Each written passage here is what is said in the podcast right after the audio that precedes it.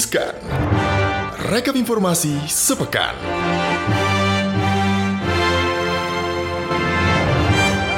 Sobat Cuan, happy Hai, weekend. happy weekend. Uh, ada suara-suara halus dari sana Sobat Cuan. Uh. Tapi nanti gue kenalin ya. Ini gue sapa Sobat Cuan dulu. Semoga kalian yang libur panjang karena kemarin dan hari ini adalah hari kejepit ya Sobat Cuan. Yang libur panjang ini atau singkat di weekend tetap menjaga kesehatan dan protokol banget kesehatan sih. tentunya ya. Nah, ini sudah weekend.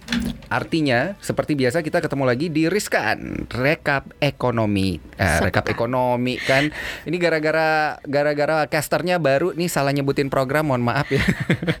Riskan itu adalah rekap informasi sepekan. Kalau biasanya sobat cuan ini ditemani sama Gibran ya, sekarang giliran gue yang mengambil alih. Gue dari Yoi. paham ya, ini promosi program paham di dalam Riskan gitu ya. Gue Daniel Wiguna yang bakal menemani sobat cuan sekalian ini merekap informasi sepekan edisi Jumat 12 Maret 2021 dan pastinya gue nggak sendiri tadi udah dengar Yoi. ada suara-suara halus Halo, dari sebelah gue. Hai. Nah, ini adalah Inai ya, teman eh, sama-sama salah satu dari tim CNBC Indonesia Yoi. gitu ya, yang, Yang juga baru pertama kali ya. Mbak Ina ya. Iya iya benar. Iya, Mbak, nah jangan Ina ini aku, Mbak. baru pertama berasa tua ya. Oke, siap. Yoi. Inai, nama aslinya Sinar Putri. Yoi. Putri bersinar. Yoi. Yang mana yang benar?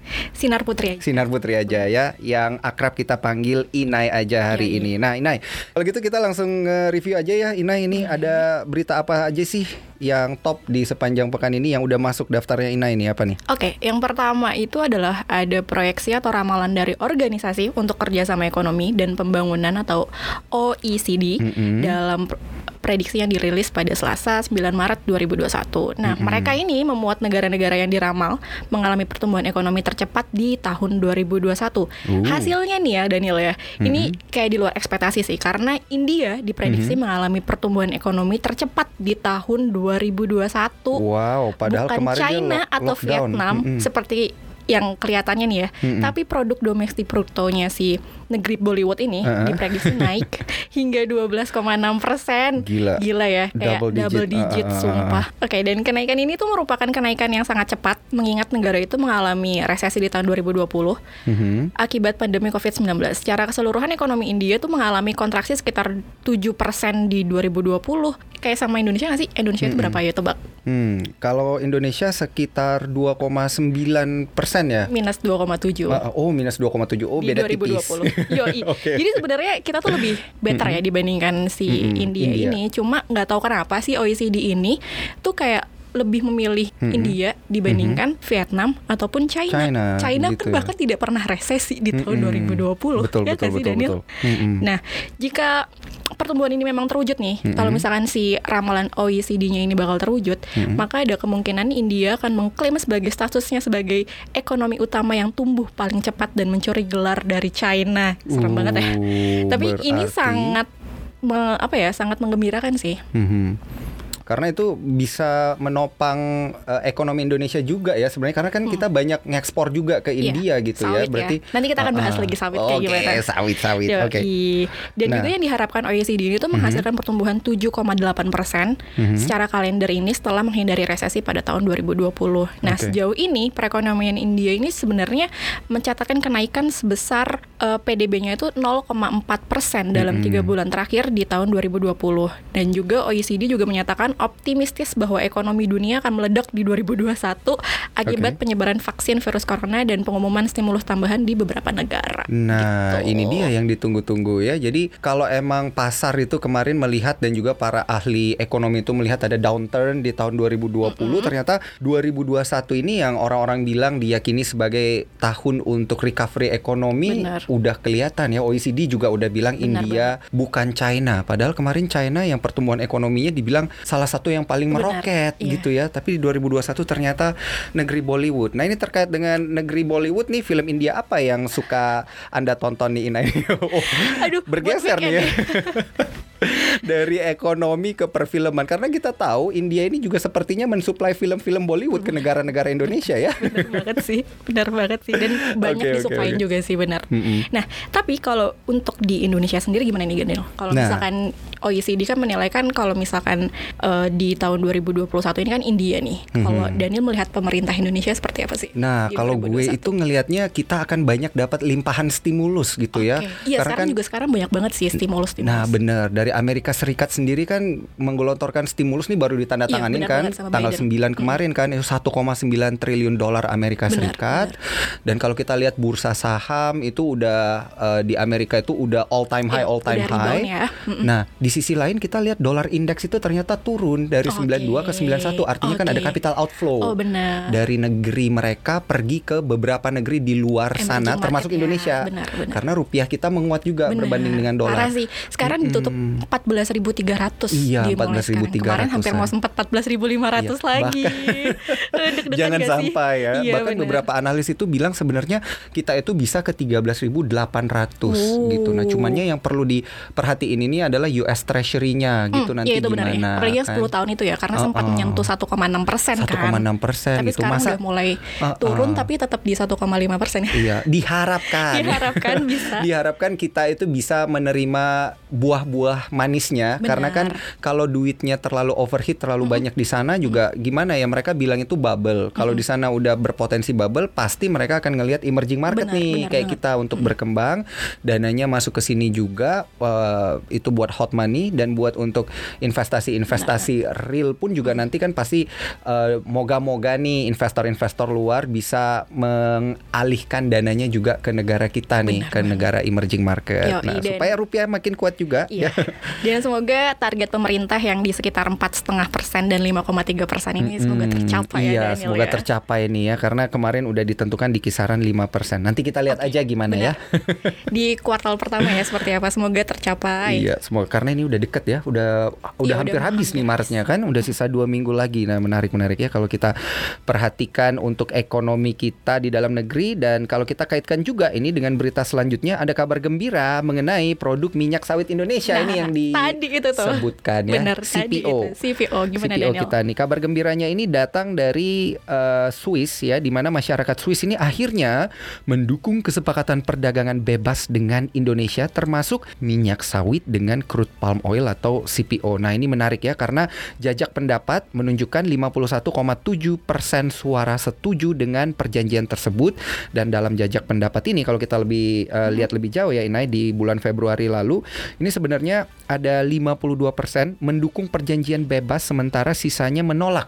Hmm. Ternyata nggak semua eh, orang dalam eh, perjanjian tersebut atau dalam meeting tersebut itu bisa menerima ya karena memang ini sempat eh, apa ya kontroversial banget produk CPO di banget, Indonesia di ini Mm. ya eh, ditolak dengan Eropa dan lain sebagainya. Dan juga eh, kalau kita ketahui ya bersama bahwa Swiss ini kan negara European Free Trade Agreement bersama Norwegia, Liechtenstein dan juga Islandia. Oh, iya. begitu. Jadi eh, kalau kita lihat dari sisi kans pun ya ada ternyata ada negara-negara yang sifatnya netral gitu, dukung dukung produk-produk eh, CPO dari Indonesia juga ya.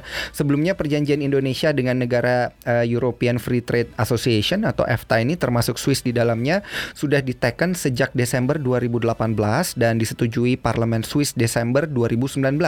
Tapi ditentang sayangnya karena ada persoalan sawit di dalamnya sehingga butuh suara publik atas kesepakatan tersebut. Nah, secara general nih Nay kalau kita lihat berdasarkan kesepakatan tersebut tarif akan dihapus secara bertahap dari hampir semua ekspor terbesar Swiss ke Indonesia. Sementara Swiss akan menghapus bea atas produk industri Indonesia. Untuk minyak sawit, bea cukai tidak akan dihapus tetapi dikurangi antara 20 dan 40 persen dan volume yang dibatasi hingga 12.500 ton per tahunnya. Kemudian, siapa pun yang mengimpor minyak sawit harus membuktikan bahwa minyak tersebut memenuhi standar lingkungan ya. dan sosial tertentu. Iya, tetap, ya Tetap harus ada harus ini dibuktikan, nih, harus Eh, eh, dibuktikan. harus ramah lingkungan gitu ya. Nah. Kalau kita lihat dari eh, negeri kita sendiri ya, Indonesia ini adalah mitra ekonomi terbesar ke-44-nya Swiss dan pasar ekspor terbesar ke-16 di Asia di mana pada tahun 2020 ekspor Swiss ke Indonesia berjumlah 498 juta franc Swiss atau sekitar 7,6 triliun banyak rupiah. banget ya. Jadi artinya kalau sampai dilarang nih Mm-hmm. Artinya pendapatan mereka pun juga, Juga pasti akan- berkurang Karena gitu mereka ya. butuh kan sebenarnya. Mm-mm, mereka juga itu. butuh, kita juga butuh sih sebenarnya ya. Benar. Mau, Iya, untuk mau lempar kita ke mana kan. nih ekspornya nih ya? Iya. Heeh, lumayan loh 7,6 triliun rupiah. Banyak gitu banget ya, sih. Pada tahun 2020. Yo, ya, tapi sebenarnya Mm-hmm. Semoga yang perkara-perkara di WTO ini Mm-mm. dengan adanya ini ya udahlah ya kita damai-damai aja lah ya sih. Mm-mm, iya damai-damai. Padahal kan sebenarnya kalau dengar-dengar nih kemarin ya kita juga sempat membahas nih di CNBC Indonesia TV itu kan eh, ketika kita dituntut oleh Eropa bahwa eh, CPO kita tidak memenuhi standar Mm, lingkungan itu iya. kan katanya tidak terbukti, Tidak terbukti, kan sampai mereka bikin eh, satu perjanjian atau satu larangan bahwa kita nggak boleh ngekspor ke sana juga akhirnya kan itu gimana ya kayak nggak kalau nggak ada buktinya kan ya sebenarnya merugikan bersama sih. Ada yang bilang ini politik supaya eh, Eropa itu bisa menjual minyak buatannya dia sendiri nggak pakai CPO dari luar gitu ya untuk menekan neraca dagang Iya, gitu benar sih, katanya. benar. Nah, Tapi ya seenggaknya kan kalau misalkan kita bicara CPO ya Daniel Mm-mm. kayak sawit itu kan sebenarnya hulu dari segalanya hulu. Uduh, apa tuh? Kayak- hulu dari Karena hulu? kalau misalkan butuh sabun segala macam Daniel butuh sabun, skincare apa segala macam itu adalah dari CPO. sawit, dari Oh, CPO dari karena CPO itu nggak hanya ya. minyak aja yang dibutuhin, tapi Waduh. kalau misalkan secara industri Gue baru tahu nih. Iya beneran Jadi kalau misalkan dari sabun Terus shampoo Jangan-jangan lu sabunnya bikin sendiri ya di rumah ya. Aku aku aku nggak bisa Nanti kita cari gimana cara bener, bikinnya. bener. Tapi sebenarnya kalau misalkan yang kayak gini tuh menjadi apa ya sentimen positif juga kali ya bagi Uh-uh. Indonesia juga dan ini setidaknya kabar gembira buat Daniel dan rekan-rekan yang Iya. memegang saham-saham Dan sobat cuan yang memiliki perkebunan emiten-emiten sawit gitu karena ya. di nggak tahu eh, karena di akhir pekan ini tuh memang menjadi penopang IHSG juga ya kayak Mhm. naiknya tuh hampir 4% di sepanjang minggu ini ya. Yo, iya. Oke, untuk emiten bagi sobat cuan yang memegang emiten-emiten sawit jangan lupa traktir kita yang dicuap-cuap cuan. Misalnya udah cuan banyak nih nggak Iya. apa-apa boleh lah ya Tapi kirim ini secara makanan fundamental gitu. masih oke kok. Untuk Gimana? long term, fundamental Oh masih oke. fundamental masih wah perhatiin Iya banget nih kayaknya Iya curiga nih gue nih. Ini investor sawit nih kayaknya nih Ina ini.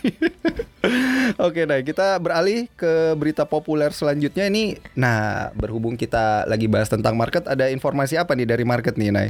Nah, yang pertama itu, eh ini yang ketiga ya Daniel. Mm-mm, yang yang ketiga, ketiga itu nih. adalah dari Kementerian Badan Usaha Oh, ternyata dari Negara. kementerian. Dari market kita pindah ke kementerian. Eh, ini sebenarnya berkaitan juga sih sama market karena Mhm. dari Kementerian BUMN ini menyebutkan rencana penambahan modal dengan memberikan hak memesan efek terlebih dahulu HMITD Mhm. atau right issue Bank Syariah Indonesia TBK atau BRIF eh, BRIS akan digelar tahun ini. Asik. Daniel punya nih kayaknya nih. Waduh. Jadi kayak dia senyum-senyum. Semoga.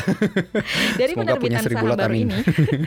nah, dari penerbitan saham baru ini Daniel menarik eh, perusahaan ini menargetkan bisa mendapatkan dana sebanyak-banyaknya mm, 500 juta dolar Amerika Serikat Mm-mm. atau setara dengan 7 triliun rupiah. Uh. Wow, gede banget ya Ini mirip-mirip nih dengan yang isunya. CPO tadi ya, Uh-uh. CPO tahunan gitu yang 498 juta frank Si, tujuh- benar. 7,6 triliun juga ya.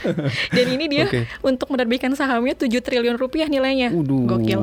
Dan Wakil Menteri BUMN Kartika Wirjoatmojo mengatakan right issue ini ditujukan untuk mencari partner strategis sekaligus untuk menambah jumlah saham yang beredar perusahaan atau free float. Hmm. Sebelumnya Direktur Utama B- eh, si BRIS ini Pak Hmm. Heri Gunardi mengatakan bahwa Kementerian BUMN membuka peluang bagi investor asing untuk masuk sebagai investor baru melalui Indonesia Investment Authority atau INA, dana Hmm. abadi atau SWF yang dibentuk Jokowi beberapa tahun lalu eh beberapa Mm-mm. eh, bulan lalu ya. Mhm. Heri menyatakan aksi korporasi tersebut diharapkan akan memilih nilai tambah kepada seluruh pemegang saham perseroan. Jadi bagi Uh. kalian yang punya saham BRIS, yuk Ditunggu-tunggu ya. Ditunggu-tunggu. Tapi ini kayaknya kalau masalah red issue kita harus tahu nih nilai red issue-nya maunya berapa gitu kan. Jadi kita bisa memperkirakan nanti kalau sobat cuan yang udah punya berapa ratus gitu ya, berapa ribu sahamnya itu bisa kira-kira memperhitungkan ini red issue-nya berapa banding berapa, terus red issue-nya di harga berapa supaya bisa hitung-hitung gitu kan. Ini